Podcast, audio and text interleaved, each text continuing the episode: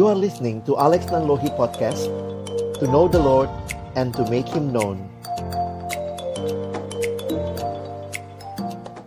Baik, mari kita berdoa sebelum kita membaca merenungkan firman Tuhan. Kami datang dalam ucapan syukur malam hari ini. Terima kasih banyak Tuhan karena kesempatan ini Tuhan berikan bagi kami untuk bersama-sama kembali belajar akan kebenaran firman-Mu dan juga setiap wawasan yang kiranya akan menolong kami juga semakin efektif melayani Tuhan di dalam generasi ini. Waktu ke depan kami persembahkan dalam tangan pengasihanmu. Tuhan memimpin baik hambamu yang menyampaikan. Setiap kami yang mendengar juga diskusi di antara kami. Kami serahkan semuanya. Tuhan yang memimpin dari awal, pertengahan hingga akhirnya. Dalam nama Tuhan Yesus kami menyerahkan pemberitaan firman-Mu. Amin Shalom, selamat malam uh, teman-teman sekalian Saya bersyukur boleh melayani malam hari ini dengan teman teman-teman sekalian. Saya siapkan satu PowerPoint buat kita. Saya dapat info dari kakak kakak-kakak panitia bahwa apa TPS ya bahwa kita nanti akan ada waktu bagian awal kita akan dengar pemaparan materi lalu nanti kemudian ada kesempatan untuk bertanya jawab. Ya, sebenarnya kalau lihat temanya, ini bicara tentang bagaimana saudara dan saya bisa dipakai dengan efektif untuk terus melayani Tuhan ya di dalam generasi ini. Bahwa pemuridan terus terjadi, murid menghasilkan murid, kalau kita juga bahkan punya semboyan SMS, siswa menjangkau siswa Lalu di mana peran TPS? Saya pikir juga TPS yang adalah mantan siswa juga menjadi orang-orang yang memperlengkapi siswa untuk bisa menjangkau teman-teman siswanya. Demikian juga eh, kakak-kakak staff akan mendampingi TPS dan siswa supaya siswa lebih efektif lagi menjangkau siswa. Nah, nah yang jadi pergumulan saat ini adalah bagaimana kita melihat uh, tidak mudah ya, tidak mudah karena pengalaman uh, pelayanan berbicara tentang penginjilan, pemuridan, ya jadi kita kalau mau ajak orang untuk ikut Yesus berarti kan kita harus datang dengan berita Injil kepada mereka membawa mereka kenal Tuhan. Nah, ada beberapa data yang saya mau ajak kita mulai untuk lihat begitu ya. Uh, bagaimana data-data ini uh, diolah begitu rupa oleh bilangan research ya. Bilangan research coba memberikan beberapa data yang saya ingin kita perhatikan. Nah, ini hasil survei 2021. Nah, lihat datanya. Satu dari tiga anak muda Kristen Indonesia menganggap bahwa semua agama menyembah Tuhan yang sama. Ini data bilangan research 2021 ketika mereka melakukan survei dengan 1137 responden yang tersebar di seluruh provinsi. Berarti juga termasuk di uh, eh, NTT ya. Wah, ini kalau lihat data kayak begini gimana ya? Jadi ini jadi pergumulan buat kita semua untuk kita pikirkan. Ini data anak mudanya. Coba lihat lagi. Satu dari tiga anak muda Kristen Indonesia menganggap bahwa perbuatan baik saja dapat menyelamatkan.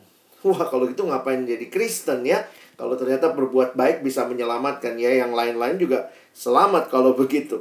Lalu kemudian lihat lagi datanya. Satu dari empat anak muda Kristen Indonesia mendukung pernikahan beda agama. Wah ini data-data yang cukup menyedihkan mengagetkan ya. Tentunya kita bersyukur sih ya cuma satu dari empat. Tetapi ya satu itu pun kalau dari empat bayangkan itu cukup banyak kalau jumlahnya bertambah. Nah lalu kita perhatikan ini ya lebih jauh lagi. Kalau ini anak muda coba lihat ini data orang Kristen secara umum. Jadi termasuk yang dewasa juga nah ini lumayan menyedihkan juga ya orang Kristen Indonesia tidak aktif memberitakan Injil kepada orang lain dalam tiga bulan terakhir. Satu dari dua, lalu lihat lagi, Data selanjutnya, satu dari lima orang Kristen Indonesia menganggap bahwa penginjilan kepada teman adalah hal yang tidak baik. Wah takut nanti merusak persahabatan, nanti dia nggak terima dan seterusnya. Ya tentu ada faktor-faktor itu yang membuat kita jadi mungkin tidak mau atau malas atau mungkin merasa tidak pas untuk menyampaikan Injil kepada mereka. Lalu lihat lagi, data ini. Dua dari tiga orang Kristen Indonesia tidak aktif memuridkan orang lain dalam tiga bulan terakhir. Ya, Kak Alex tidak mau menghakimi siapa-siapa malam ini, tapi ini kan data ya. Kalau saya boleh mengajak kita refleksi, bagaimana dengan kita? Bagaimana dengan TPS di Kupang, di NTT secara umum, dan bahkan juga pelayan siswa se-Indonesia? Apakah ini juga termasuk data yang terjadi di pelayanan kita. Padahal kita sangat yakin disciples makes disciples. Hanya muridlah yang akan menjangkau menghasilkan murid. Nah, bagaimana mereka bisa jadi murid kalau kita juga tidak datang, kita tidak bawa berita Injil, kita tidak membina mereka dengan sungguh-sungguh. Karena itu saya menawarkan kita berpikir malam hari ini dalam konteks tema ini dengan prinsip ini.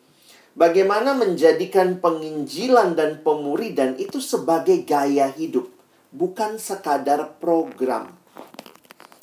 Kadang-kadang begitu siswa baru masuk, oh ini lagi bulan PI, bulan PI, bulan penginjilan. Habis bulan PI sudah lewat, PI berhenti gitu ya. Oh ini ini lagi mulai uh, rekrut anak-anak siapa yang mau ikut kelompok kecil. Ayo ini bulan pemuridan. Kadang-kadang tanpa kita sadari penginjilan dan pemuridan cuma jadi program. Tapi kita rindu ini boleh jadi gaya hidup. Nah, satu bagian firman Tuhan yang saya ingin kita renungkan malam hari ini adalah di dalam Injil Lukas. Saya tidak akan ekspos uh, mendalam karena saya pikir ini bukan uh, perikop yang asing buat teman-teman, mungkin kalian sudah pernah baca di dalam Lukas 5 27 sampai 32. Yuk kita lihat sebentar perikopnya. Saya bacakan buat kita. Kemudian ketika Yesus pergi keluar, ia melihat seorang pemungut cukai yang bernama Lewi sedang duduk di rumah cukai. Lewi atau disebut juga Matius ya. Makanya kalau kita perhatikan ini murid Yesus. Yesus berkata kepadanya, "Ikutlah aku." Maka berdirilah Lewi dan meninggalkan segala sesuatu, lalu mengikut dia. Dan Lewi mengadakan suatu perjamuan besar untuk dia di rumahnya.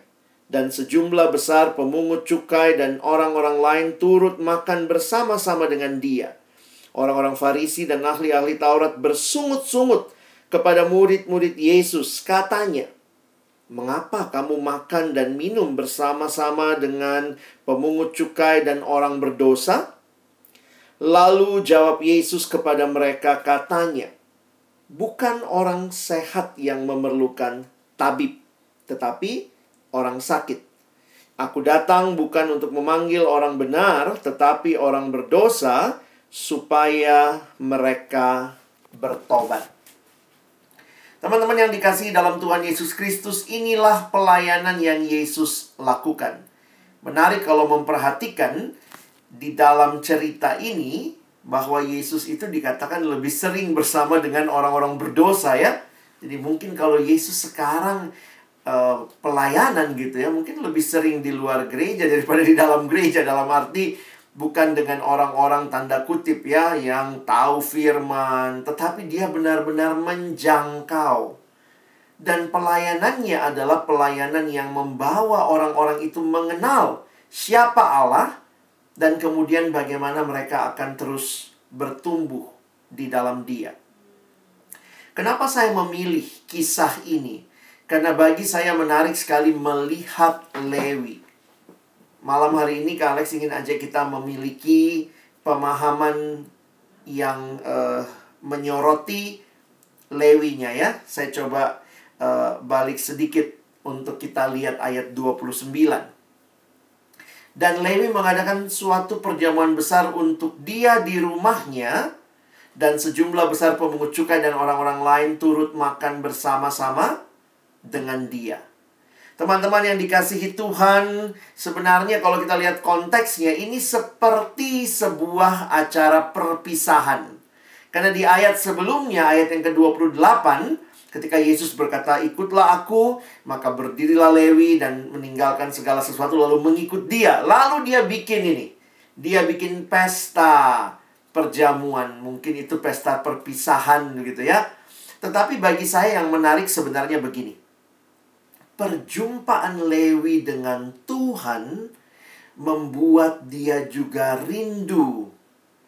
Apa yang dia rindukan? Dia rindukan teman-temannya juga boleh berjumpa dengan Kristus. Kalau lihat ayat 29, dia mengadakan perjamuan besar untuk siapa? Untuk Yesus di rumahnya. Dan sejumlah besar pemungut cukai dan orang-orang lain turut makan bersama-sama dengan dia. Siapa yang undang pemungut cukai ini?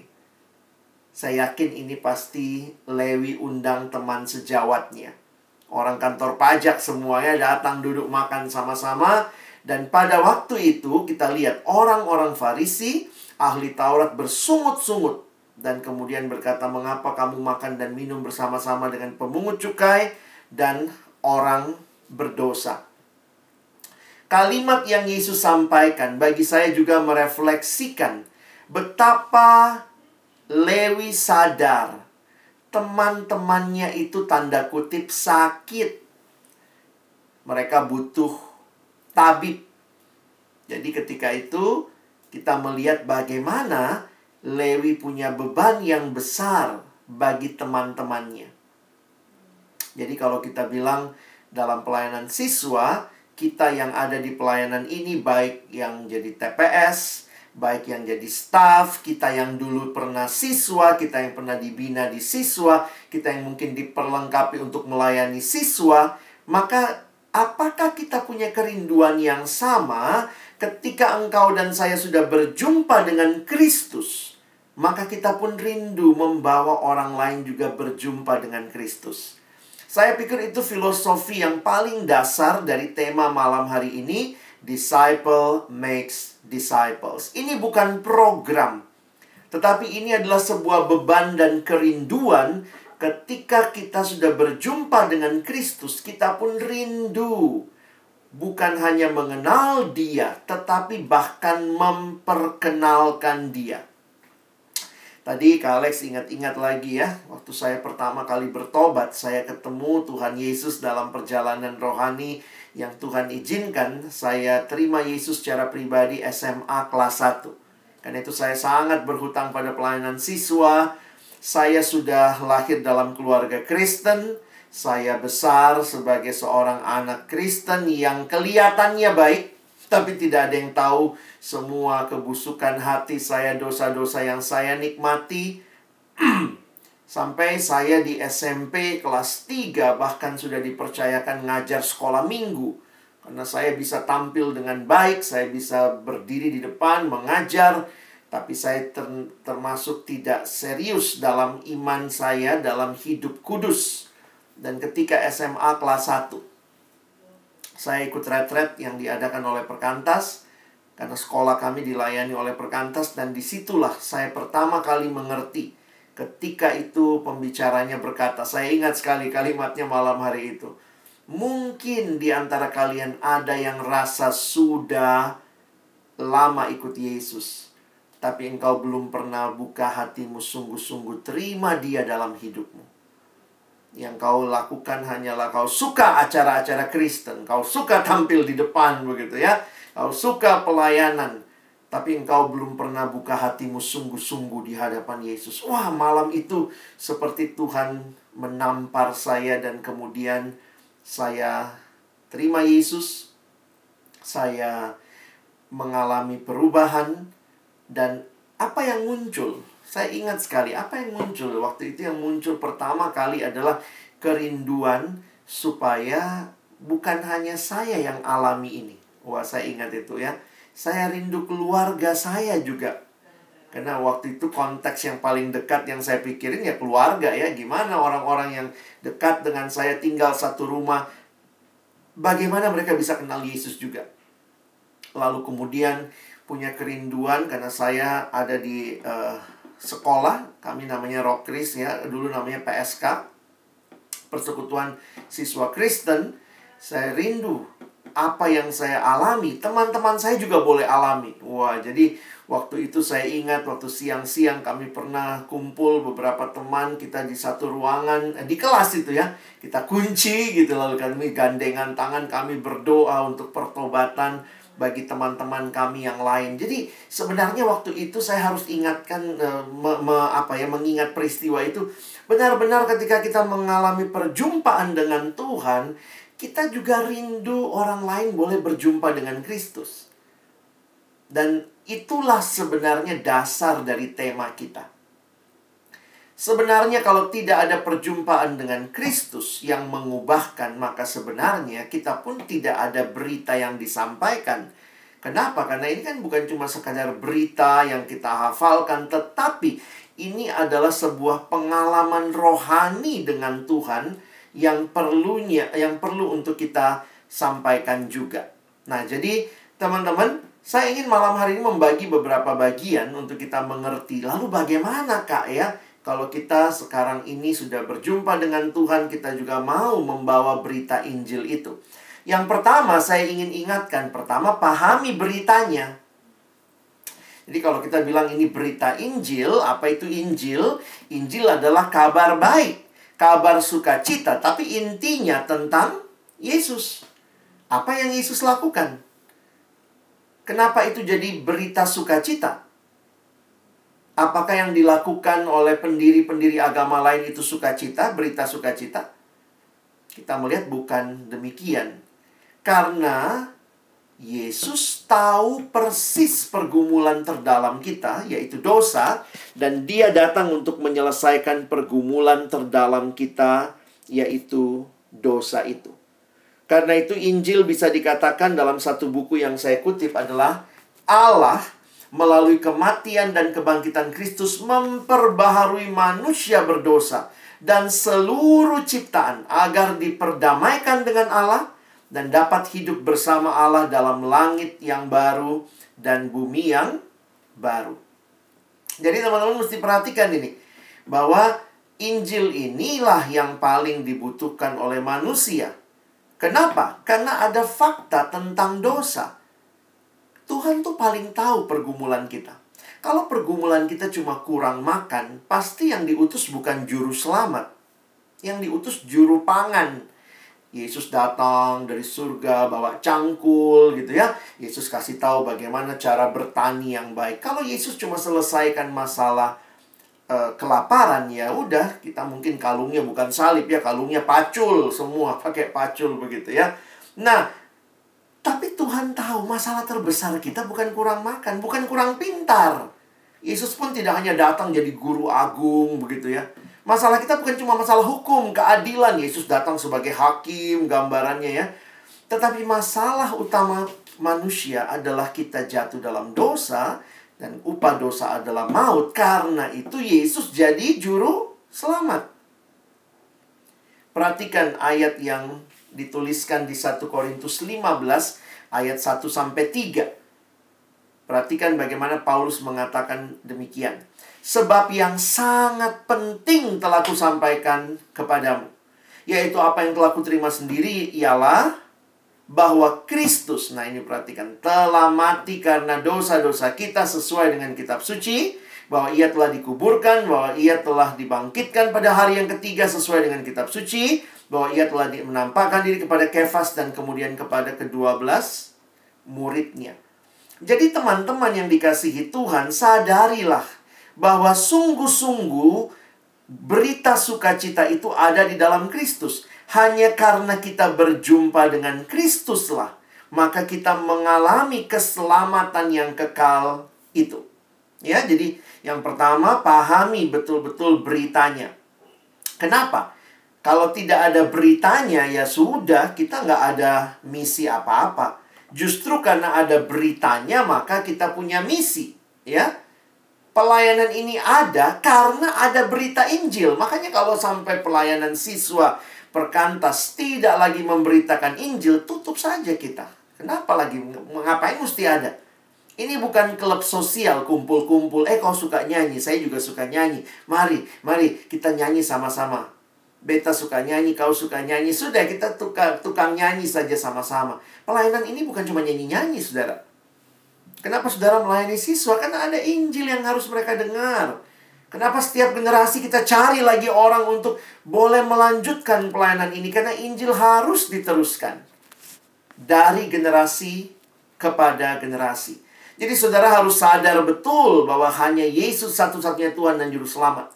Tapi kita lihat tadi ada faktanya bilang nggak apa-apa menikah beda agama. Oh nggak apa-apa Yesus tuh bukan satu-satunya juru selamat. Semua agama menuju kepada kebenaran. Tidak demikian.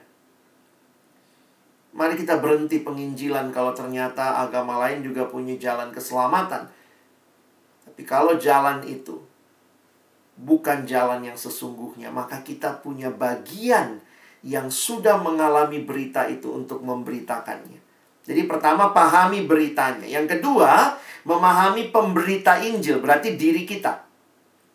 Karena Injil itu kabar, maka harus disampaikan dengan ya dengan kata-kata, dengan tulisan karena itu kabar.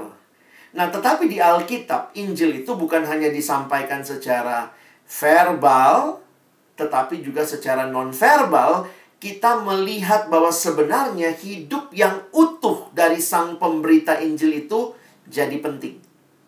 Ya. Perhatikan kalimat Petrus di 1 Petrus 2 ayat 12. Milikilah cara hidup yang baik di tengah-tengah bangsa-bangsa bukan Yahudi. Supaya apabila mereka memfitnah kamu, sebagai orang durjana mereka dapat melihatnya dari perbuatan-perbuatanmu yang baik dan memuliakan Allah pada hari ia melawat mereka. Saya tidak mengatakan kita hanya penting hidup saja. Kadang-kadang orang suka begitu ya. Yang satu menekankan penginjilan verbal, harus bicara, betul harus bicara. Tetapi kemudian hidupnya nol besar. Ada yang begitu ya. Wah, ngomongnya Yesus, Yesus, Yesus. Tapi papa mamanya di rumah bilang, Allah ngomong Yesus. Kau di rumah saja tidak pernah bantu. Bisa begitu ya. Nah, ternyata kita tidak boleh hanya satu sisi. Demikian juga tidak boleh hanya hidupnya. Oh, yang penting hidup baik, hidup benar, tapi tidak pernah benar-benar memberitakan kabar itu. Saya pikir ini harus menyatu dalam hidup kita. Hanya kalau cara hidup dan perkataan menyatu, barulah ini menjadi penginjilan yang adalah gaya hidup, lifestyle. Ya, jadi kita jadi paham bahwa ini bukan hanya soal bicara, tetapi juga soal hidup. Tapi ini juga bukan hanya soal hidup, tapi juga soal berita yang harus disampaikan. Nah, kalau kita sudah pahami beritanya, kita pahami diri kita sebagai pemberita, makanya jangan hidup dualisme ya. Kalau pas lagi mau kunjungan ke sekolah tiba-tiba kudus TPS TPS ya. Tiba-tiba kudus padahal hari lain ternyata masih nikmati porno, masih nikmati hidup nggak benar, hidup nggak beres. Kalau itu yang terjadi, hidup yang dualisme, maka kamu datang itu cuma jadi program. Oh, ini hari saya mesti PI. Ah, adalah saya PI. Hari lain ternyata hidup kita tidak menunjukkan sama sekali kita kenal Tuhan Yesus. Saya pikir itu sedih sekali ya. Penginjilan bukan sekedar menyampaikan pesan, tetapi juga dibarengi dengan hidup yang diubah oleh pesan itu. Sehingga sebenarnya seperti Paulus bisa bilang begini ya, apa yang kau lihat dari hidupku? Beritakan itu. Wow, waktu saya pikirkan itu ya, kenapa berani sekali bicara begitu? Karena dia tidak hanya jadi pembawa pesan, tetapi dia menjadi orang yang pertama-tama diubahkan oleh pesan Injil itu. Ya.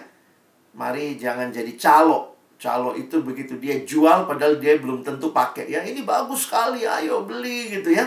Tapi ternyata dia nggak ikut gitu ya. Dia nggak pakai barang itu. Selanjutnya yang ketiga mari pahami penerima Injilnya. Nah di sinilah kita bisa banyak diskusi sebenarnya nanti. Karena biasanya dalam realita pelayanan siswa teman-teman harus sadar bahwa generasi berganti ya Wah, generasi terus berganti. Kita sedang welcome ini banyak yang kita layani kalau siswa sekarang itu ada kira-kira di generasi Z. Nah, nanti kemudian adik-adiknya lagi itu akan sudah habis abjadnya makanya yang ke depan ini namanya generasi alpha. Nah, bagaimana melayani generasi? Saya pikir mari kita belajar melihat mereka dengan kasih dari Allah. Kadang-kadang TPS tanpa sadar juga ya. Padahal baru beberapa tahun di atas siswa tapi mulai rasa aduh anak-anak sekarang tuh, aduh anak-anak sekarang. Nah, kadang-kadang kalau TPS sudah mulai bicara begitu, saya suka geli aja kayak kau bukan anak sekarang aja gitu ya. Ya, mungkin lalu tanpa sadar kita mungkin membandingkan generasi. Ih, kalau kami kak, waktu dulu, kalau kami nggak seperti itu, oh kami lebih baik dari mereka. Jadi kadang-kadang saya suka pikir begini, betul kamu mau jadi TPS. Kalau isinya pertemuan TPS cuma kamu komplain, kamu terus mengeluh tentang generasi ini, kamu terus bilang aduh susah sekali dijangkau, aduh susah sekali. Betul susah, tetapi mari punya sikap yang lebih positif. Karena kalau saudara tidak punya sikap yang positif, ngapain saudara tinggal jadi TPS? Berhenti saja. Ya. Makanya jujur saya kadang-kadang sedih juga melihat banyak orang mau melayani orang muda, tapi terus yang keluar dari mulutnya keluhan. Keluhan terus, keluhan terus. Generasi ini begini, begini, begini, begini. Saya tidak menutup mata generasi ini ada jeleknya. Semua generasi ada jeleknya. Kadang-kadang yang tua bilang, iya anak-anak sekarang ini anak-anaknya tidak tahu sopan santun. Padahal, eh banyak om tante juga tidak tahu sopan santun, selingkuh sama ya, bini orang, begitu ya sama gitu. Kadang-kadang kita suka merasa generasi kita paling baik. Oh, kami dulu, kami dulu. Lalu akhirnya yang sekarang tuh jelek. Kalau kita tidak punya kasih bagi generasi ini, stop melayani. Tapi kalau saudara masih mau terus melayani generasi ini, minta kasih dari Tuhan. Minta kekuatan Tuhan. Sulit generasi ini. Di WA ndak balas. Tapi kalau tiap kali kita bilang, aduh anak-anak sekarang slow respon. Anak-anak sekarang slow respon. Kamu pernah nggak slow respon? Di WA siapa? Di WA Kak Mada, kau nggak balas juga mungkin. Di WA Kak Bea. Atau mungkin di WA Kak Ega gitu ya. Jadi kadang-kadang kita kalau bicara, ah dia slow respon, mungkin kamu juga pernah ya. Jadi kamu tahu sebenarnya perasaannya gimana ya. Memang lagi nggak pengen bales, Kak. Lagi malas aja gitu ya. Eh, kadang-kadang saya pikir ya inilah generasi ini. Mari kita berdoa Tuhan berikan kasih yang lebih dalam. Jadi Kak Alex suka simpulkan begini. Kalau kamu kenal generasi ini, kamu punya pemahaman, pengenalan yang dalam, kamu connect dengan mereka, maka itu akan menentukan bagaimana melayani mereka, baik dari kontennya, tentu Injilnya nggak berubah, tetapi mungkin pembahasaannya kita harus kontekstualisasikan, bahkan termasuk kontainernya, mau pakai apa menyampaikannya, ya. Jadi kalau kalian perhatikan, di sinilah saya melihat bagaimana setiap generasi itu sebenarnya punya kebutuhan. Dalam satu seminar yang pernah saya ikuti, seorang pembicara bilang bahwa generasi-generasi ini, baby boomers itu opa-oma kita ya. Generasi X itu mungkin papa mama, ya. Uh, karena generasi X itu saya juga masuk di generasi X ya. Generasi Y ini yang biasa disebut milenial. Lalu generasi Z yang sekarang ini uh, kalian ada di generasi Z, yang kita layani ada di generasi Z. Uh, kebutuhannya kalau generasi saya yang uh, generasi X itu katanya individual, keuntungan. Apa untungnya gitu ya. Jadi banyak yang pragmatis. Tapi kalau generasi Z ini banyak bicara jati diri. Makanya uh, saya menyampaikan kan beritanya tetap sama. Kalau saya bilang dari dulu dosa, ya dosa ya dosa. Tetapi dosa untuk baby boomers harus dijelaskan dengan pemahaman yang salah. Karena mereka punya kebutuhan benar, salah. Kalau generasi X, kebutuhannya mereka individualistis banget. Maka apa itu dosa yang mereka pahami? Dosa itu adalah apa yang yang saya suka, saya, saya. Jadi apa yang saya mau. Ini menguntungkan nggak buat saya? Sehingga walaupun uh, apa ya, walaupun pornografi itu uh, pornografi itu salah, tetapi kalau di generasi saya suka bilang ini, tapi kan nggak merusak orang lain.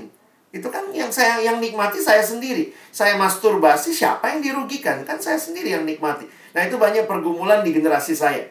Karena bicaranya individual. Kalau generasi milenial, Y, itu pengalaman, kepuasan. Makanya bahasa-bahasa penyampaian Injilnya adalah apakah Yesus kepuasan sejatimu, ya? Lalu kalau generasi kalian yang sekarang ini banyak bicara jati diri. Kenapa? Film-filmnya jati diri semua. Terus lihat lagu-lagu jati diri. Bukan berarti generasi ini nggak ada bicara kebenaran, benar salah. Ada juga, bukannya nggak bicara keuntungan, ada juga. Tetapi mostly, sebagian besar itu bicara tentang jati diri. Jadi kalau kita bicara Injil, dosa, dosa itu membuat kita tidak tahu diri kita di hadapan Allah. Jadi kita kaitkan dosa dengan kehadiran jati dirinya. Nah ini kan masalah bahasa. Kamu tahu nih kebutuhannya apa. Yang satu kebutuhannya ini dan itu. Dan saya pikir ya jangan cuma lihat begini. Kadang-kadang ada juga yang saya yang Kak Alex bilang tadi ya. Mungkin dia generasi Y, tetapi kebutuhannya jati diri. Karena kan sebenarnya jati diri juga kebutuhan manusia yang dasar. Mungkin dia generasi Z, tapi kebutuhannya adalah soal kepuasan. Karena terus nikmati tanpa pernah merasa puas. Jadi, saya kadang-kadang suka tutup atasnya. Nggak usah pedulikan apa generasinya. Tapi perhatikan setiap orang, kenali mereka. Karena itulah kamu bisa tahu kebutuhan dia. Bisa nangkep ya? Nah, jadi kenali kebutuhan orang itu dan sadari bahwa kemungkinan kalau dia dari generasi yang berbeda, dia punya kebutuhan yang berbeda. Nah, karena itu nanti kalau kita menyusun program penginjilan dan segala macam, kadang-kadang kita survei dong siswa kita kayak apa. Di beberapa daerah dulu waktu bicara kontainer di Jawa, di Sumatera banyak yang pakai Instagram. Ini kira-kira lima tahun lalu. Tapi waktu saya ke Indonesia Timur, ternyata masih banyak yang pakai Facebook. Nah, mungkin sekarang sudah mulai berubah ya. Sudah makin banyak di timur juga pakai Instagram. Tapi kemudian beberapa lagi mulai beralih ke TikTok. Jadi kadang-kadang kita harus lihat nih, platform-platform ini kan berganti-ganti. Jadi tidak selamanya juga ketika saya datang ke satu daerah waktu itu saya ingat saya bicara soal Instagram begini begini begini habis itu habis selesai saya ngomong ada yang datangi saya Kak Alex tahu di sini tuh cuma dua anak yang punya Instagram ya ampun saya bilang saya pikir mereka sama ini kan generasi Z kadang-kadang kita bilang ini kan generasi Z betul tapi generasi Z di kota sama di desa mungkin beda jadi kadang-kadang kita bukan masalah generasi apa nih. Ini kan yang bikin pembagian generasi ini juga kan e, banyak kan orang bule ya. Jadi saya harus ingatkan terlepas dari apa kebutuhan atau dia dikategorikan di generasi mana, lebih baik kita lihat kebutuhannya. Nah, bagaimana tahu kebutuhannya? Bergaul, ngobrol, mesti punya koneksi sama dia. Jadi jangan begitu lihat kapan lahirnya. Oh, baby boomers itu oh pasti kebutuhannya ini nggak begitu mesti tanya ya lebih jauh nah di dalam mengerti generasi ini khususnya generasi milenial dan generasi uh, yang Z memang banyak sekali buku tergantung kalian pakai buku apa ya saya kadang-kadang baca beberapa buku dan itu juga sekali lagi konteksnya luar negeri sering kali kita perlu bikin survei yang lebih Indonesia kira-kira begitu ya atau lebih Kupang atau lebih NTT kalian mesti bikin. Nah, tetapi ada satu pendekatan survei yang kemudian menjadi sebuah teori yang menarik tapi dia menggambarkannya adalah kepada kebutuhan generasi yang dia langsung sebut postmodern. Nah, postmodern ini kan mencakup semua ini ya Nah, dia bilang ini generasi yang dia singkat dengan epic generation. Epic generation itu singkatan dari experiential, participatory, image driven, dan connected. Nah, Ini adalah teori psikologi dari sebuah buku. Ini buku umum sebenarnya ya. Dari seorang bernama Yosef Fadul. Tapi kemudian beberapa orang, termasuk orang Kristen menggunakannya. Salah satunya yang terkenal adalah bernama Leonard Sweet. Bapak Leonard Sweet ini tulis buku ya. Judulnya Postmodern Pilgrims. The Gospel According to Starbucks gitu ya. Nah dia mencoba menggali apa sebenarnya kira-kira bagaimana generasi ini itu terlihat dengan pendekatan epik tadi. Mereka punya kerinduan untuk experiential. Experiential itu uh, pengalaman. Jadi ini generasi yang katanya butuhnya pengalaman ketimbang pengetahuan. Bukan berarti mereka nggak butuh pengetahuan. Kalau kalian lihat seperti itu, jangan langsung pikir, oh generasi ini nggak suka pengetahuan. Nggak, nggak begitu juga tetapi bagi bagi generasi ini, nah ini buat kalian lah ya, saya juga termasuk gitu. Kita tuh tidak mau cuma pengetahuan tapi juga mau pengalaman. Nah, makanya nanti Kak Alex kasih contoh lah ya karena saya belajar iklan. Saya waktu kuliah dulu sempat belajar iklan. Teman-teman tahu iklan-iklan tahun 80-an? Iklan tahun 80-an, tahun 70-an itu tuh iklannya itu mengiklankan pengetahuan tentang produk itu. Contohnya ada produk susu ya. Lalu kemudian nanti dikasih tahu nih, susu ini mengandung. Jadi iklan zaman dulu kalau kalian cari itu, itu isinya informasi. Susu ini sekian nabati, sekian protein, sekian lemak gitu-gitu.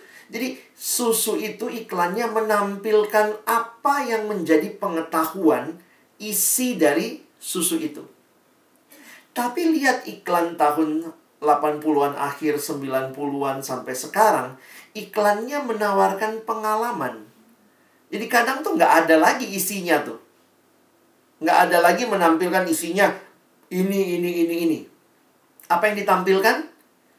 Pengalaman dengan susu itu. Wah, jadi saya ingat dulu pertama kali itu iklannya. Jadi buat orang generasi saya yang dulu biasa dengan iklan yang isinya adalah keterangan, tiba-tiba berubah iklannya itu adalah iklan pengalaman. Kadang kayak nggak nyambung. Tiba-tiba ada iklan gini. Ini iklan susu ya. Kalian tahu masih ingat mungkin yang ya mungkin nggak ada yang seumuran saya ya. Dia anaknya beginiin tel telinganya, lalu dia pegang, terus dia bilang, "Ma, sampai, Ma, sampai." Pernah lihat iklan itu? Apa yang disampaikan? Bukan isi susunya, tetapi pengalaman minum susu itu membuat anak kalau sudah gede suka dibilang begini, bisa pegang telingamu nggak? Ah, sudah besar. Wah, anak papa sudah besar. Lihat, dia sudah bisa pegang telinganya dari atas kepala. Jadi, saya buat saya melihatnya begini. Nanti kalian perhatikanlah, iklan rokok zaman saya. Iklan rokok itu dulu adalah rokoknya dikatakan misalnya isinya nikotinnya berapa segala macam. Tapi belakangan iklan rokok. Kayak dulu ya uh, how low can you go? Ini ngomong apa sih? Ini pengalaman. Uh, asiknya rame-rame. Nah jadi coba kita relasikan dengan generasi ini. Mereka tuh butuhnya bukan cuma pengetahuan dia tahu Yesus Tuhan, tetapi bagaimana membawa dia menyadari Yesus itu Tuhan atas studimu. Yesus itu Tuhan atas pengalaman-pengalaman hidupmu. Nah, jadi teman-teman bisa lihat gitu ya. Jadi kadang-kadang Alex suka mikir gini ya. Mungkin tidak ada yang terlalu berbeda karena apa Injilnya sama. Yang berbeda mungkin penyampaiannya. Jadi kalau dulu kita cuma pikirin penginjilan hanya menyampaikan sekedar kebenaran-kebenaran aja ya. Sekarang mungkin kita mesti tambah dengan peng penghayatan kepada pengalamannya supaya dia tahu yang disampaikan itu sesuatu yang bisa berlaku juga buat hidup dia. Makanya nanti kalau udah belajar teori ini kita bisa pikir gini, gimana penginjilan secara epik? Bagaimana pemuridan secara epik gitu ya? Nah, ini experiential yang pertama. Yang kedua, partisipatori. Partisipatori itu apa maksudnya? Kita mengundang partisipasi dari orang-orang itu. Memang di dalam generasi yang lalu, penyampaian itu selalu satu arah. Jadi biasanya kalau dulu modelnya adalah saya sumber, kalian belajar dari saya. Nah, kadang-kadang banyak anak-anak zaman sekarang malas kelompok kecil. Kenapa? Karena di kelompok kecil itu dia cuma datang dengar gitu ya. Apalagi sekarang online ya. Jadi kalau kalian bilang, aduh anak-anak ini nggak suka kelompok kecil online. Jangan-jangan kamu membuatnya jadi pendengar.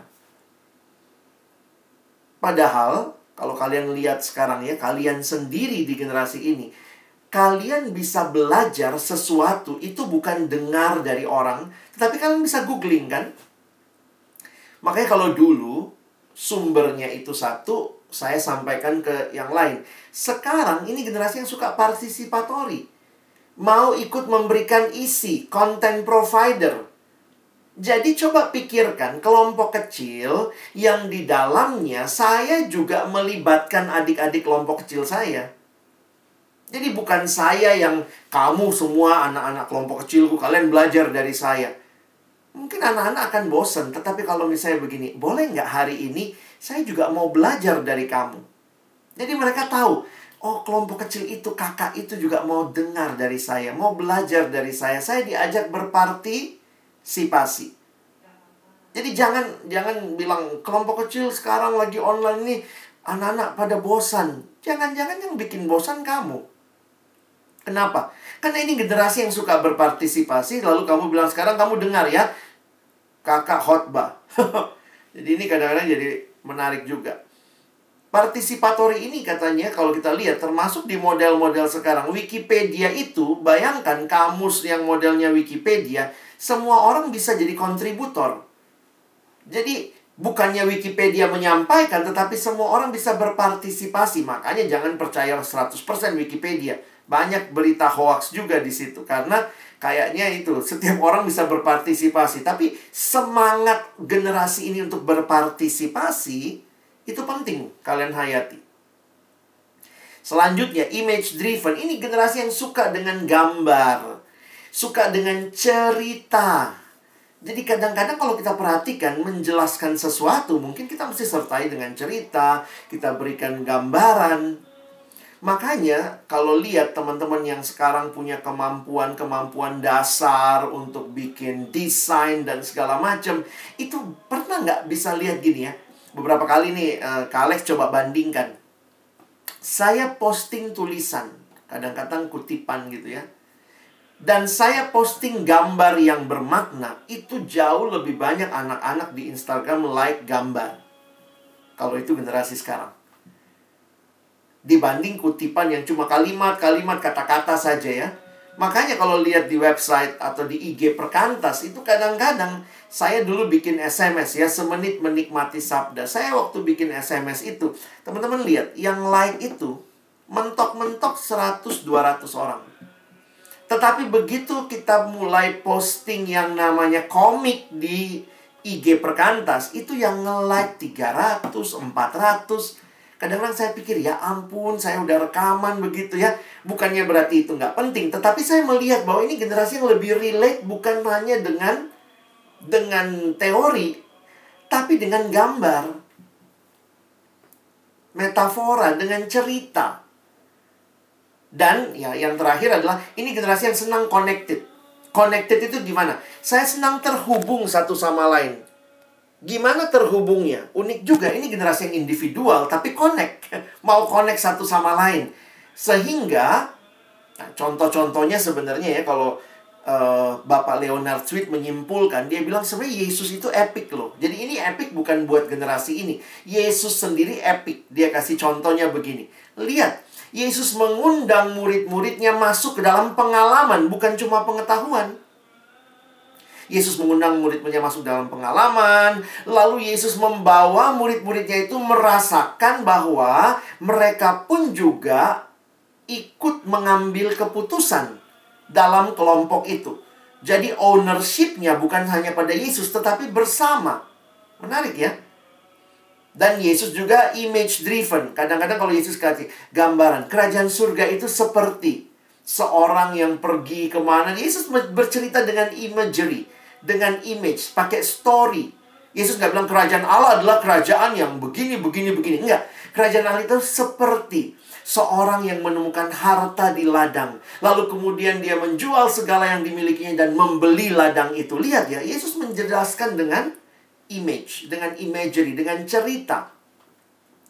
Dan Yesus pun uh, ya mengizinkan terjadi frustasi di antara para murid, tetapi dengan frustasi-frustasinya murid itu kadang-kadang terjadi connection. Lalu terjadi dialog di antara mereka. Jadi menarik tuh Yesus tidak hanya membawa muridnya kepada dirinya, tetapi kepada komunitas connected one another. Nah teman-teman coba pelajari ini ya. Saya mungkin nggak punya teori gimana-gimana, tapi malam hari ini Kak Alex cuma mau ingatkan begini. Kita melayani generasi yang berubah. Kadang-kadang kita capek, kita rasa, aduh bagaimana ini anak-anak, bagaimana penginjilan zaman online. Kak Alex nggak bisa kasih tahu apa-apa. Penginjilan zaman online adalah, pertama kamu pemberita Injil, kamu tahu Injilnya, lalu kamu cobalah gunakan berbagai pendekatan ini untuk mengemas berita Injil itu bagi generasi ini. Contohnya gimana? Saya kadang pikir gini loh teman-teman ya. Kita yang Kristen malah nggak pakai hal-hal ini. Siapa yang pakai hal-hal ini? Loh yang pakai hal-hal ini kok justru justru media sosial. Semua teori epic ini ada di media sosial. Kenapa anak sekarang suka IG? Karena di IG itu mereka tuh kayak mengalami sesuatu. Lalu IG kemudian punya story ya. Perhatikan semua platform sekarang bikin story. Ada Insta Story, ada WA Story, ada Line Story. Kalau Line Story namanya timeline. Kalau WhatsApp Story namanya status. Kalau Insta Story ya IG Story gitu ya. Kenapa? Karena ini generasi yang ingin bercerita. Lalu kemudian lihat pertambahan betapa banyaknya stiker sekarang. Kalian lihat nggak tuh?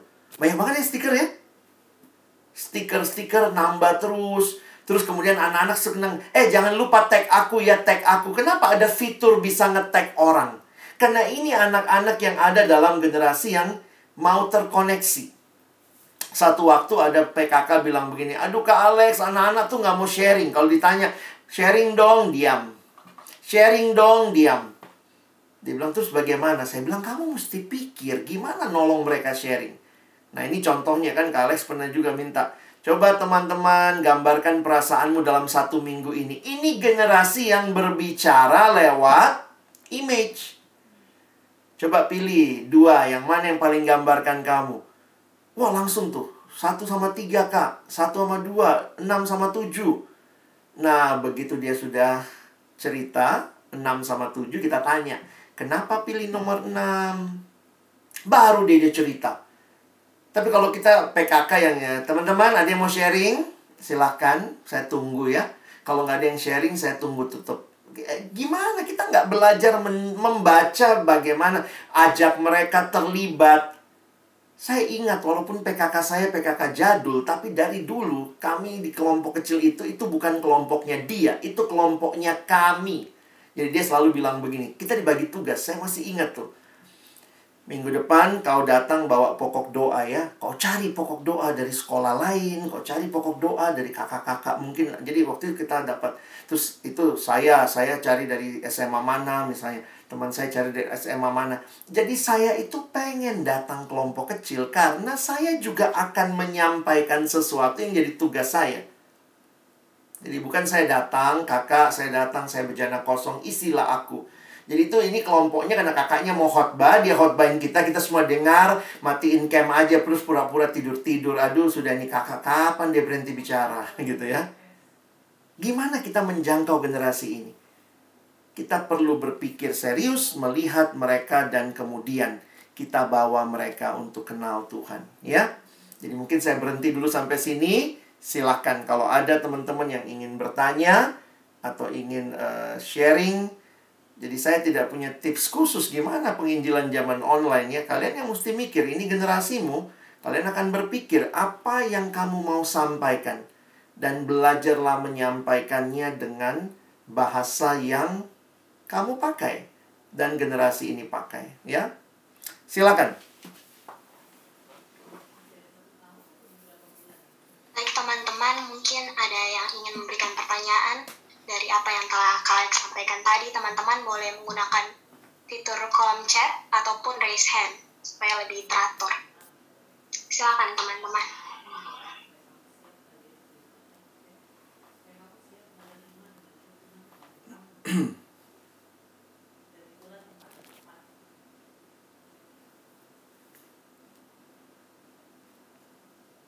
untuk bertanya mengenai tadi Silakan. memahami memahami penerima Injil. Nah, bagaimana kita sebagai yang menyampaikan tuh punya hati yang lebih peka atau dapat membaca situasi ketika yang menerima Injil nih sedang dalam situasi apa sehingga apa yang kita sampaikan tuh relate ke dia begitu. Lebih dapat memahami dan mengenali. Nah, Itu, baik. Thank you ya. Ini pertanyaan yang sangat bagus. Saya punya satu gambar. Kalian mungkin lebih bisa ngerti pakai gambar ya. Ini gambar saya yang saya mau kita coba lihat.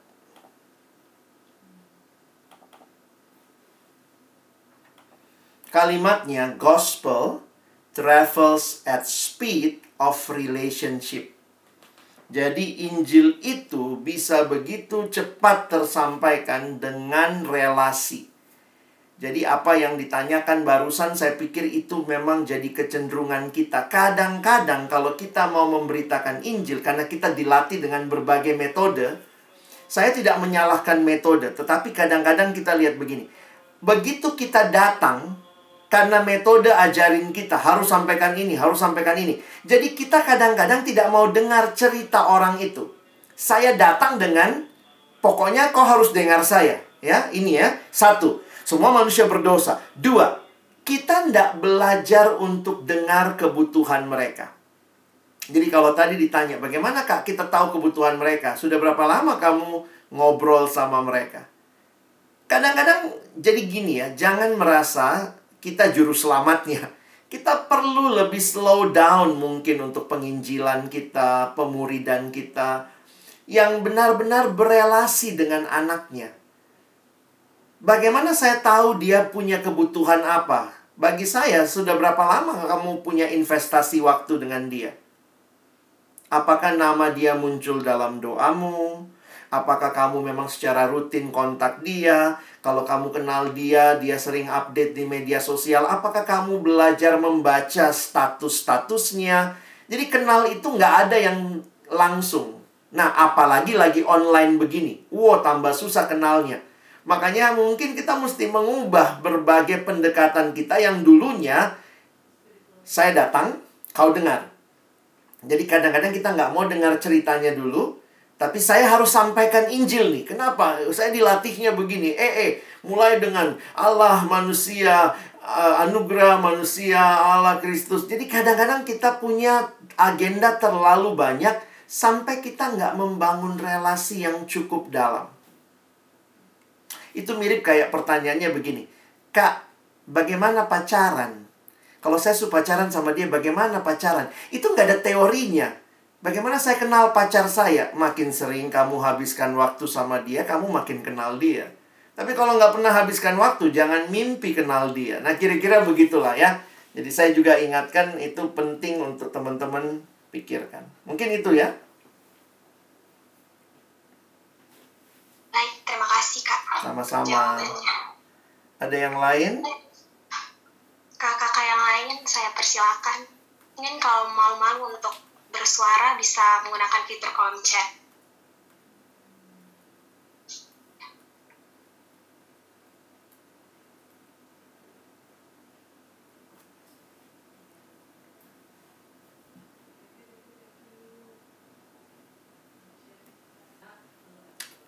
Boleh saya kasih contoh satu lagi kalau oh ini sudah ada yang tanya. Silakan Carolina.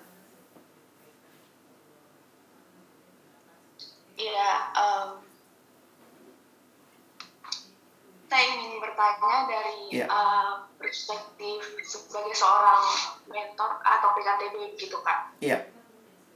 Em, di konteks seperti ini terkadang karena banyak kendala itu eh, bagi saya itu bisa seperti menurunkan semangat untuk penginjilan itu sendiri kak. Jadi bagaimana caranya untuk dari PKTB-nya sendiri atau pembimbingnya dia bisa tetap bertahan dan maksudnya dia bisa tetap memiliki semangat itu kak. Hmm. Baik. Kalau sudah bicara masalah semangat, sebenarnya itu bukan masalah pandemi nggak pandemi ya. Kalaupun lagi nggak pandemi, kamu punya anak kelompok kecil yang dikontak nggak bisa, diajak ketemu nggak bisa, itu juga menurunkan semangat. Tapi memang di sinilah pentingnya kita punya komunitas, komunitas yang saling mendukung, saling mengingatkan. Inilah pentingnya kita tetap pelihara relasi dengan Tuhan, karena saya pikir nggak ada cara lain ya. Kita mesti belajar untuk terus bergantung sama Tuhan, makanya relasi pribadi sama Tuhan itu sebenarnya sumber kekuatan dan semangat kita. Lalu belajar dari teladan-teladan yang juga bisa kita pelajari. Sebenarnya saya banyak belajar dari Paulus ya. Paulus itu kan tidak ketemu sama jemaat. Kadang-kadang kalau dipikir-pikir Paulus itu kalau mau bicara lebih lebih turun semangat, dia pasti lebih turun semangat begitu ya. Zaman itu kalau kirim surat itu butuh waktu berbulan-bulan baru suratnya sampai. Jadi kalau dia tanya apa kabar, nah nanti dari bulan berapa baru dikirim lagi kabarnya ke sini begitu. Tapi kenapa Paulus bisa begitu semangat ya? Bagi saya yang pen, yang jelas adalah bukan situasi yang mempengaruhi semangat dia. Nah, ini kita mesti belajar rahasia kehidupan rohani seperti ini. Ini nggak mudah ya. Karena kita ini kan generasi yang sebenarnya sangat ditolong dengan kenyamanan situasi. Jadi baru wifi mati, baru kuota habis, langsung semangat menurun. Paulus itu kan ya situasinya apa? Lebih parah dari kita di penjara, dibelenggu katanya. Tapi kok dia bisa tetap bikin surat yang indah ya? Beberapa surat-surat Paulus itu datangnya dari penjara. Surat Filipi, surat Efesus. Itu Filipi bahkan lebih gila lagi. Filipi itu dia bilang bersukacitalah. Wih, ini orang lagi dalam penjara kok bilang bersukacitalah. Tapi itulah, makanya kita selalu kalau bicara Filipi, sukacita sejati tidak tergantung kondisi. Wah, itu gampang dihotbahkan, tapi sulit dihidupi.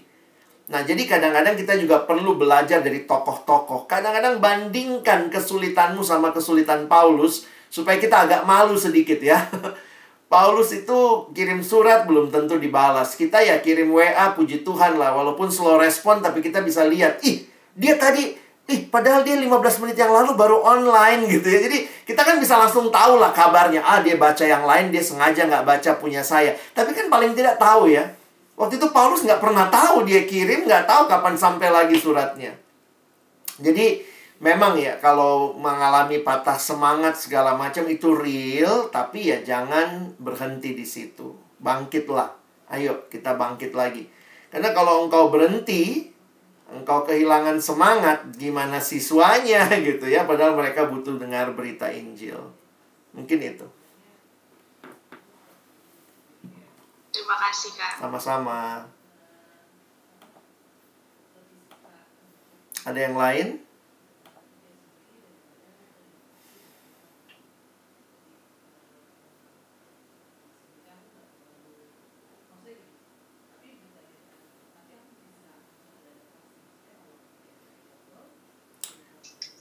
Ada kak dari Kamila. Silakan Kamila. silakan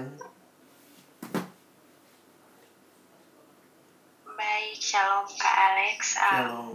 Jadi saya akan bertanya, uh, kebetulan pertanyaan saya ini juga uh, pernah saya uh, apa sharing atau diskusikan dengan rekan uh, TPS. Iya. Jadi kami kan sekarang uh, sebagai mahasiswa kan Kak, jadi um, kami juga maksudnya uh, melakukan penginjilan di adik-adik siswa, tapi kami juga berpikir untuk uh, apa menginjili teman-teman mahasiswa. betul.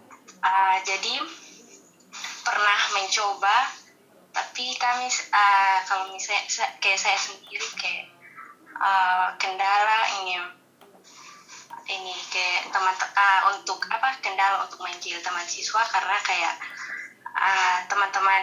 Maksudnya kan kayak tadi uh, inti dari untuk bisa menginjilkan yang penting relasinya dulu gitu Hmm. bisa saling kenal.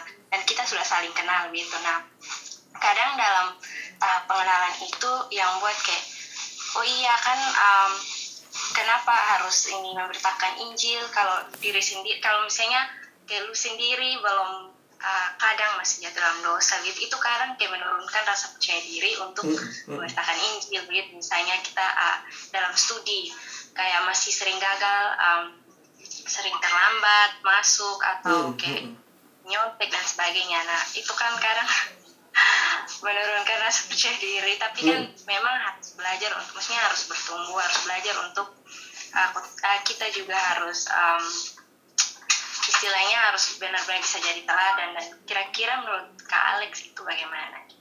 Baik. Terima kasih. Kak. Makasih pertanyaannya.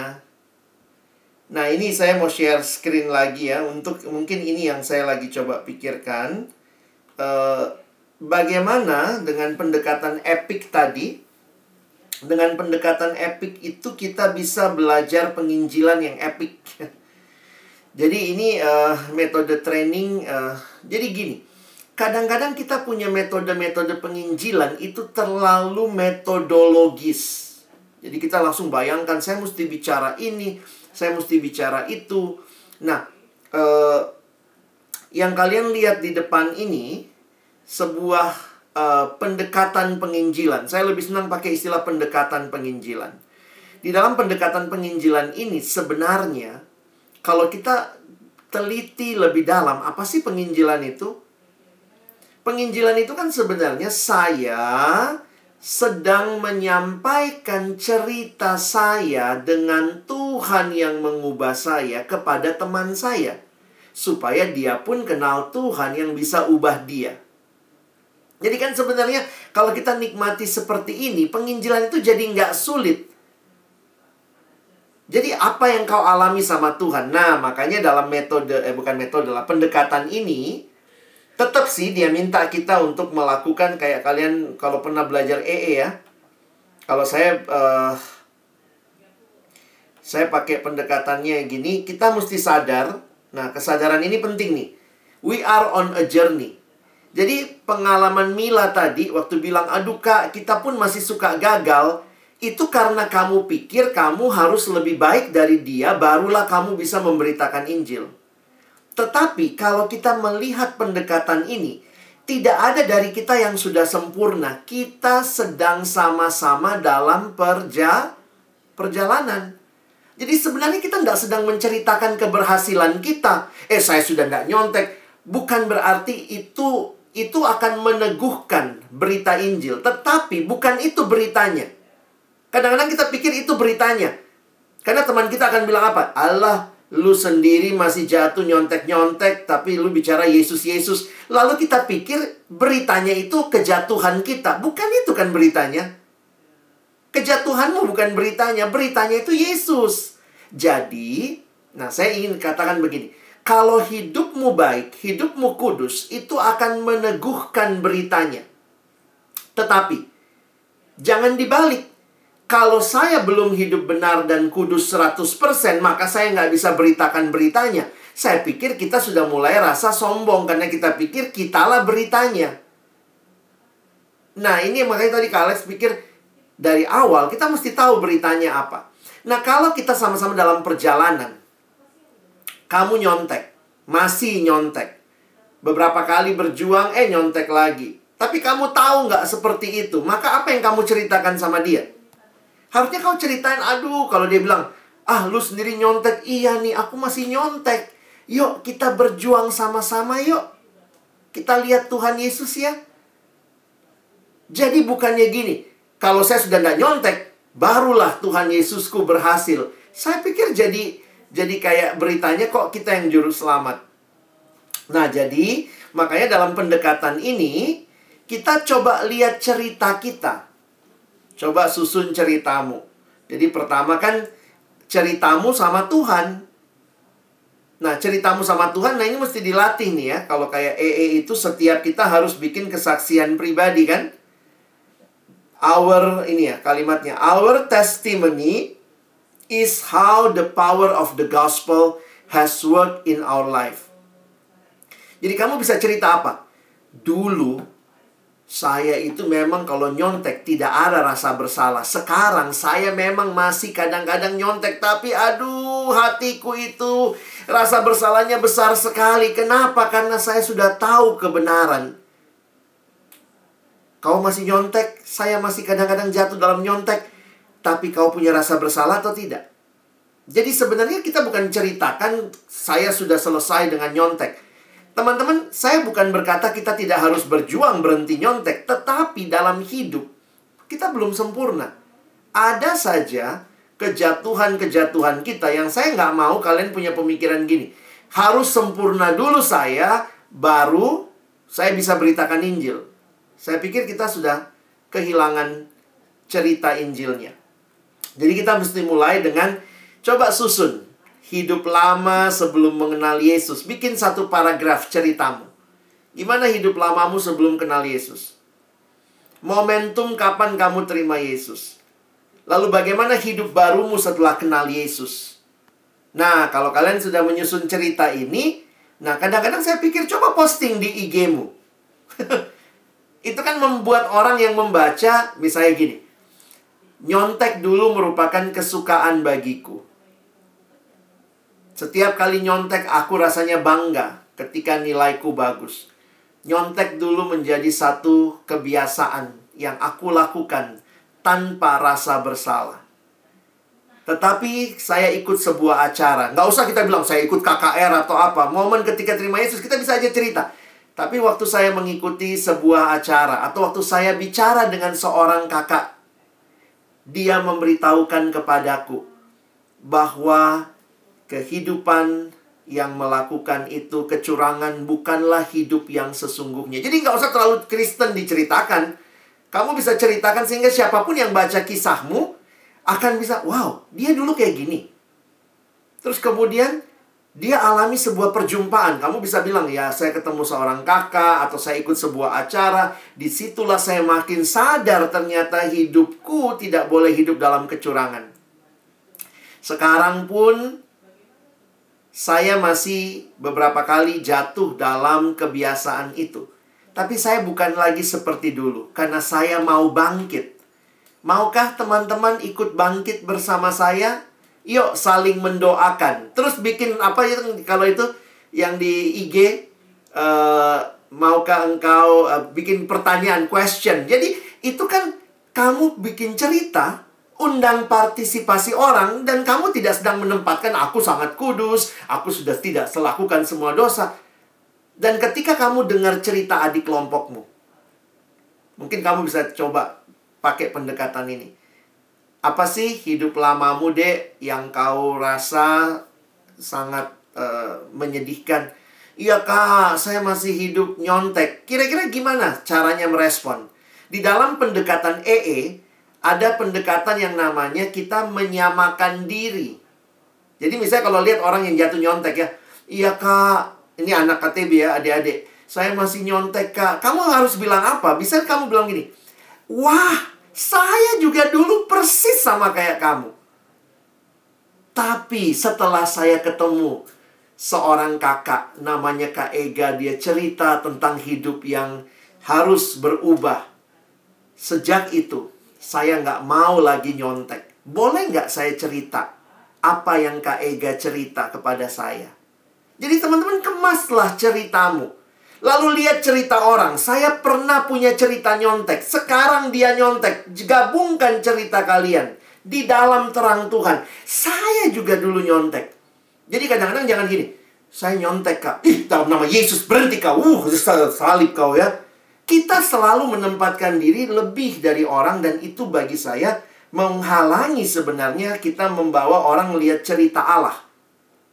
Yang kamu harus saksikan adalah Allah yang sekarang telah mengubah hidupmu belum sempurna, tetapi engkau sedang terus diubahkan. Nah, itu cerita. Penginjilan itu sebenarnya kita tidak sedang sedang menghafal metode, tapi alami. Ini pengalaman dan mungkin ini lebih men, me, lebih connect dengan generasi ini. Ya, sorry ya saya jadi jelasin ini karena sebenarnya ini ada satu training lain ya, kayak training belajar cerita, kalau orang cerita kejatuhan, kita connect sama dia. Kak, saya masih suka pornografi. Terus kau bilang, ih tapi kan kak, kak Alex saya nggak ikut pornografi. Saya bukan dosanya itu. Mungkin kau bilang, wah, dek, dulu kakak juga dengar ada satu kesaksian. Wih, dia juga lebih porno dari kau, dek. Tapi, nah kita kan bisa ceritakan ya. your story, other people's story. So, we are sharing our stories with God. Bayangkan kalau itu yang terjadi, maka betapa banyaknya cerita-cerita yang kita dengar, kita bisa bawa kepada Tuhan. Nah, mungkin itu tips dari saya kali ya buat Mila dan teman-teman sekalian. Thank you. Siap, Kang. Terima kasih. Sama-sama.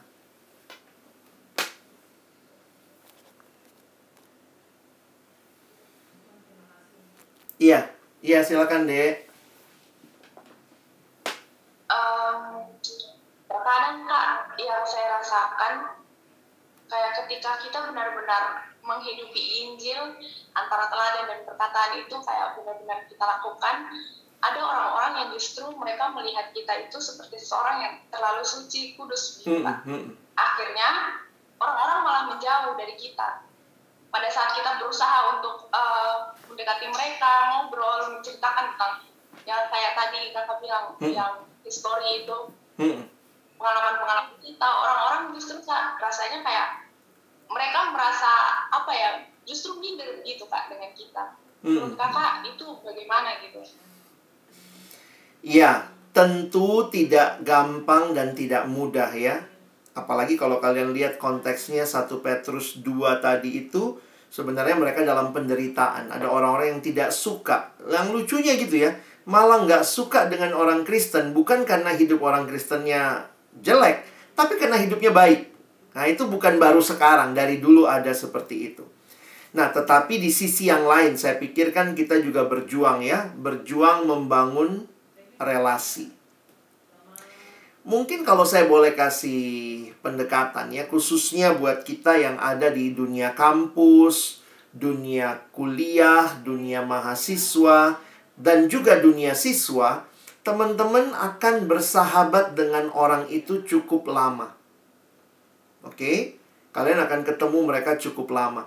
Nah, mungkin ya kalau saya boleh kasih usul, biarlah mereka tahu kamu anak Tuhan yang sungguh-sungguh. Bagaimana taunya ya tergantung bisa dari segala hal. Tetapi, nah ini yang mungkin kita perlu ubah. Coba spend lebih banyak waktu mendengar mereka ketimbang buru-buru menginjili mereka. Maaf, kesannya kok kayaknya Kak Alex nggak melihat ini berita penting sekali disampaikan sekarang. Tapi mungkin nggak ya kamu ketemu mereka satu bulan, coba kamu jangan ngomong, biar aja mereka yang ngomong, cerita. Supaya kamu memang benar-benar dengar cerita mereka. Ini yang kadang-kadang saya lihat buat kita anak Tuhan, karena kita rasa sudah dalam Tuhan, kita rasa segala macam. Kita nggak mau dengar cerita orang, kita langsung bilang jawabannya Yesus. Apa pun kalau kau nggak datang sama Yesus. Jadi itu yang bikin orang tambah lama, tambah jauh. Boleh nggak?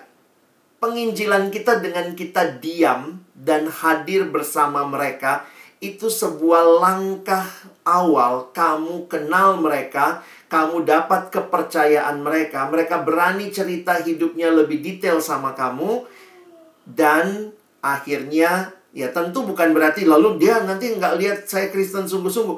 Bagi saya nggak, biar aja tunjukkan kesungguhanmu, tetapi belajar untuk dengar cerita mereka. Karena kalau dia nggak didengar ceritanya, saya agak takut koneksi nggak terjadi. Relasi nggak terjadi. Kalau relasi nggak terjadi, kamu mau nyampein apa pun akan sulit. Nah ini yang buat beberapa kali yang saya lihat juga ya. Ini khususnya buat beberapa keluarga. Saya nggak tahu di keluargamu ada atau tidak. Ada keluarga nggak yang pindah agama? Itu mesti bagaimana? Kadang-kadang saya bilang sama orang itu, ketimbang kamu sibuk. Karena misalnya, dia bukannya orang yang tahu kebenaran kan. Ayo balik ke Kristen, balik ke Kristen. Tapi kalau dia misalnya sudah pindah, maka beberapa orang saya katakan pertama begini, kasihi aja dia, kasihi aja dia. Coba jangan jangan dulu memberitakan apa-apa, kasihi aja dia. Ketika dia makin dikasihi, dia tahu bahwa ternyata kamu nggak memusuhi dia. Mungkin satu waktu nanti, ketika dia lihat di agama seberang dia tidak dapat apa yang dia cari, dia balik ke sini. Dia tahu ada kamu yang selalu mau dengar dia. Tapi kalau seluruh keluarga memusuhi, di sana tiba-tiba dia rasa ih kayaknya enakan yang lama eh yang di sini juga semua musuhi dia saya pikir jadi nggak connect Nah, jadi uh, saya kasih ilustrasi terakhir kali ya, uh, maksudnya untuk jawaban pertanyaan ini. Pendeta Stephen Tong menggunakan pendekatan uh, cerita tentang bakpao ya. Dia bilang gini. Kalau misalnya uh, jadi ada penginjil lapar nih ya. Lapar, maaf ya buat yang belum makan ya, lapar. Lalu kemudian kalau bakpao di Cina itu kecil-kecil, bukan kayak bakpaonya Kupang gitu ya yang besar-besar gitu ya roti babi dan apa begitu ya. Ini kalau bapau di Cina tuh kecil-kecil. Dia bilang kemudian ada orang uh, kasih sama penginjil itu. Dia makan satu biasa, makan dua biasa, makan tiga, wih sudah mulai sedikit kenyang. Makan empat tambah kenyang, makan lima kenyang sekali. Lalu pendeta Stephen Tong tanya, yang bikin dia kenyang bakpao keberapa? Pertama, kedua, ketiga, keempat, atau kelima. Kalau kamu jawab yang kelima, ya jangan lupa. Yang bikin dia kenyang itu dari bakpao pertama. Coba bayangkan, mungkin kamu adalah kalau orang terima Yesus itu bakpao kelima, terima Yesusnya bakpao kelima. Jangan-jangan kamu cuma bakpao pertama buat orang itu. Kak Alex kasih contoh. Saya beberapa kali pimpin KKR ya. Kalau pimpin KKR begitu, terus saya tantang. Siapa yang mau terima Yesus? Oh, angkat tangan semua. Misalnya ada yang angkat tangan lah ya. Waktu saya lihat dia angkat tangan, dulu-dulu saya rasa, wow, puji Tuhan ya. Tuhan pakai saya. Tapi waktu saya sadari dengan cerita Pak Stephen Tong, saya mungkin cuma bakpao kelimanya. Siapa bakpao pertama orang itu? Mungkin papa mamanya dari keluarga Kristen. Siapa bapau keduanya? Mungkin guru agamanya. Siapa bapau ketiganya? Pendetanya. Siapa bapau keempatnya? Mungkin teman baiknya. Saya itu cuma bapau kelima yang bikin dia kenyang. Tetapi kalau saya lihat perjalanan dia, bukan bukan karena saya saja. Tuhan pakai orang-orang lain sering kali penginjilan yang ada di benak kita, kita adalah bakpao pertama sampai kelima. Itu yang bikin kita rasanya sulit. Kita rasa kita yang harus penginjilan, kita yang harus tantang dia, kita yang harus... Jadi akhirnya kita jadi orang yang seolah-olah harus semuanya kita yang lakukan. Makanya saya sekarang lebih terbuka. Kalau orang itu sudah diinjili, dia belum terima Yesus, ya nggak apa-apa, berteman aja sama dia. Nggak usah lagi ngomong Kristen-Kristen dulu. Berteman aja. Untuk menolong dia menyadari bahwa kita tuh, kalaupun dia nggak terima Yesus, kita masih tetap mau temenan kok sama dia. Sebenarnya itu ada teorinya sih ya. Nanti kapan-kapan kalau saya ngajar di STT, saya ngajar kuliah penginjilan. Ini teorinya. Namanya angle, angle, scale, of step to Christ. Jadi kalau orang itu terima Yesus di nomor 10, tapi jangan lupa orang nggak langsung ke nomor 10. Dia akan melewati itu. Nah ini tahapannya mirip kayak tahapan kedekatan. Awalnya kayak orang asing, lalu kemudian jadi sahabat, nanti makin dalam jadi keluarga. Nah, kita itu sering kali merasa kita tuh semua nomor 10 yang sampai dia terima Yesus. Jangan-jangan, nah, waktu saya lihat hidup saya ya, siapa bapau pertama saya ya? Ya pasti keluarga saya. Saya lahir di keluarga Kristen. Papa mama bawa saya ke gereja dari kecil. Jadi itu bapau pertama. Saya kenal Tuhan tuh bukan eh, saya terima Yesus di sebuah KKR perkantas tadi kan saya cerita di sekolah saya, tapi itu bapau kelimanya. Bapau keduanya saya ingat itu adalah seorang guru agama. Guru agama saya itu ini sekali gitu ya, deket gitu dan dia banyak cerita tentang Tuhan dan segala macam. Nah, jadi teman-teman sadari aja jangan-jangan kita kalau tadi misalnya, "Kak, kita di deket dia nggak mau deket sama kita segala macam." Ya mungkin kita terlalu merasa diri kita mesti cerita semua dan kita bakpau ke lima atau nomor 10. Kadang-kadang kita mesti slow down, itu yang saya bilang tadi ya. Sahabatan aja dulu. Sahabatan aja dulu dari situ nanti waktu kamu sahabatan ya, saya punya sahabat, dia lihat saya saat teduh, dia bilang, "Ih, kau pendeta ya?" Jadi saya sudah dipendetakan sejak kuliah. Teman saya bilang itu, kau dasar, kau pendeta. Tapi kemudian saya tidak saya tidak pernah bilang apa-apa saya cuman oh ya terus tiap kali dia cerita saya dengar terus lama-lama dia tambah percaya sama saya dan akhirnya saya lihat iya ya uh, sampai sekarang saya saya lihat dia pun belum jadi Kristen ya dia masih di agama seberang tapi saya pikir Tuhan paling tidak peng, per, per, apa, percakapan kami dulu gitu ya itu sudah jadi satu bagian dalam perjalanan dia. Saya nggak tahu saya bawa keberapa buat dia. Kapan dia terima Yesus itu urusan dia sama Tuhan. Tapi saya telah Tuhan pakai dalam perjalanan dia.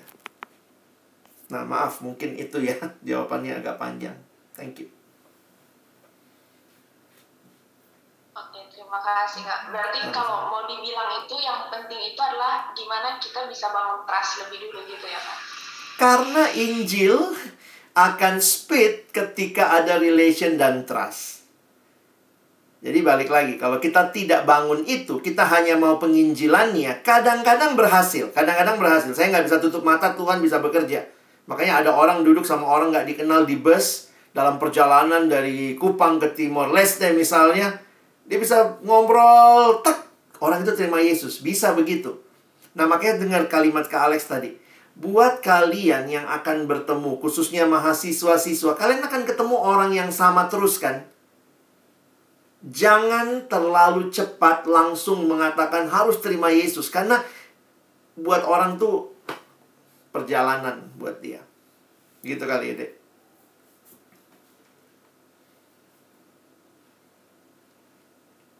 Saya cerita satu lagi kali ya. Ada satu teman cerita, jadi dia bilang gini, dia sa dia tetanggaan teman-teman. Jadi ini maaf ya ceritanya agak ini ya. Dia bilang kalau tadi angle step itu mulai dari nol, dia bilang kak tetangga saya itu bukan nol, minus malah. Jadi dia tetanggaan sama agama seberang yang radikal. Jadi bayangkan itu, tetanggaan Kristen sungguh-sungguh sama agama seberang yang radikal. Jadi boro-boro ngomong, Yesus Tuhan dan Juru Selamat. Hilang kepalamu dia minus, bukan nol. Jadi kalau terima Yesus di nomor plus 10, ini anggaplah dia minus 10. Lihat Kristen maunya bunuh, bunuh nih, bunuh, gitu ya. Nah, tetanggaan. Dia bilang, Kak, yang kami lakukan pokoknya kami tetap baik sama mereka. Iya dong, karena nggak mungkin beritain Injil langsung kan. Dia dari minus 10. Dia, dia, dia baik tetap sama tetangganya. Kadang-kadang kalau dia keluar kota, teman-teman, dia pulang bawain oleh-oleh buat tetangganya. Nah, waktu dikasih, tetangganya sih terima. Tapi besokannya dia ketemu yang dia kasih itu ada di tong sampah. Dibuang sama sebelah kali ya. Padahal itu bukan makanan yang haram. Tapi mungkin mereka nggak mau terima lah ya. Jadi poinnya dia nggak mau makan. Tapi puji Tuhan masih diterima ya. Jadi dia bilang, bayangkan kak, anggaplah mereka minus 10 sama kami. Tapi mereka tetap baik. Tetap aja temanku bilang habis dibuang begitu, ah tiap kali saya pergi saya kasih lagi, saya kasih lagi. Kadang-kadang dibuang pun terserah dia gitu ya. Nah, satu malam suaminya kena serangan jantung. Lalu kemudian yang punya mobil itu teman saya ini. Yang Kristen ini punya mobil. Jadi malam-malam dibangunkan, nah itu caranya Tuhan lah ya. Wah, dia antarlah pergi ke rumah sakit. Nah, puji Tuhan tertolonglah suaminya ini. Nah, teman-teman, peristiwa itu ternyata Tuhan pakai. Membawa orang itu dari minus 10 sekarang berpindah ke minus 7. Dulunya orang Kristen, bunuh, bunuh, kafir, makanan dari dia haram. Sekarang dia mulai bisa dari minus 10 ke minus 7. Nggak semua kok orang Kristen kayak gitu. Teman-teman, itu penginjilan nggak? Beberapa orang dalam teori bilang itu belum penginjilan, karena itu masih pra-penginjilan. Tetapi bagi saya, banyak dari kita mungkin Tuhan pakai pra-penginjilan buat orang tertentu. Bayangkan kamu punya teman yang bilang, ah semua orang Kristen tuh munafik. Tapi kamu berteman kepada dia. Jadi bayangkan dia mungkin minus, minus tiga. Terus kemudian bisa berpindah. Paling tidak dia bisa lihat. Ternyata nggak semua orang Kristen munafik. Saya punya teman namanya si ini. Dia nggak munafik loh. Minimal nanti pelan-pelan dia pindah, dia pindah, dia pindah. Jadi kadang saya pikir, jadi saya tanya, jadi sekarang "E, iya kak, kita kalau kasih makanan sekarang nggak pernah ketemu lagi di tempat sampah. Mungkin dia buang di tempat lain, tapi dia sudah terima. Tapi paling tidak pengalaman malam itu membuat dia berpindah dari minus 10 ke minus 7. Jadi sudah bisa penginjilan masih belum. Makanya menarik sekali ya kalau kalian baca kitab 1 Petrus, kalau kita belum bisa menginjili, kalimat Petrus adalah teruslah menabur kebaikan. Bangun jembatan, teruslah. Nah, jangan selalu di pikiran kita adalah harus PI dan harus terima Yesus saat itu juga. Saya pikir itu satu pemikiran yang takutnya membuat kita jadi merasa Makanya kita suka hitung-hitung berapa yang bertobat, berapa yang bertobat. Kenapa? Puji diri. Karena aku dia bertobat. Ketika engkau penginjilan, orang itu bertobat. Ingat, kamu mungkin cuma bakpao kelima. Ada bakpao-bakpao yang lain yang Tuhan juga sudah pakai. Nah, mungkin begitu ya, Dek ya. Ini jadi kayak kuliah di kampus ini. kuliah penginjilan. Dua SKS kalau mau ambil ya. Terima kasih. Kak. Sama-sama. Baik Kak Alex dan Baik. kakak-kakak semua, saya rasa untuk sesi diskusi dan tanya jawab ini saya tutup sudah. Semoga kita semua dapat belajar banyak dari jawaban-jawaban dari pertanyaan-pertanyaan yang telah diberikan tadi.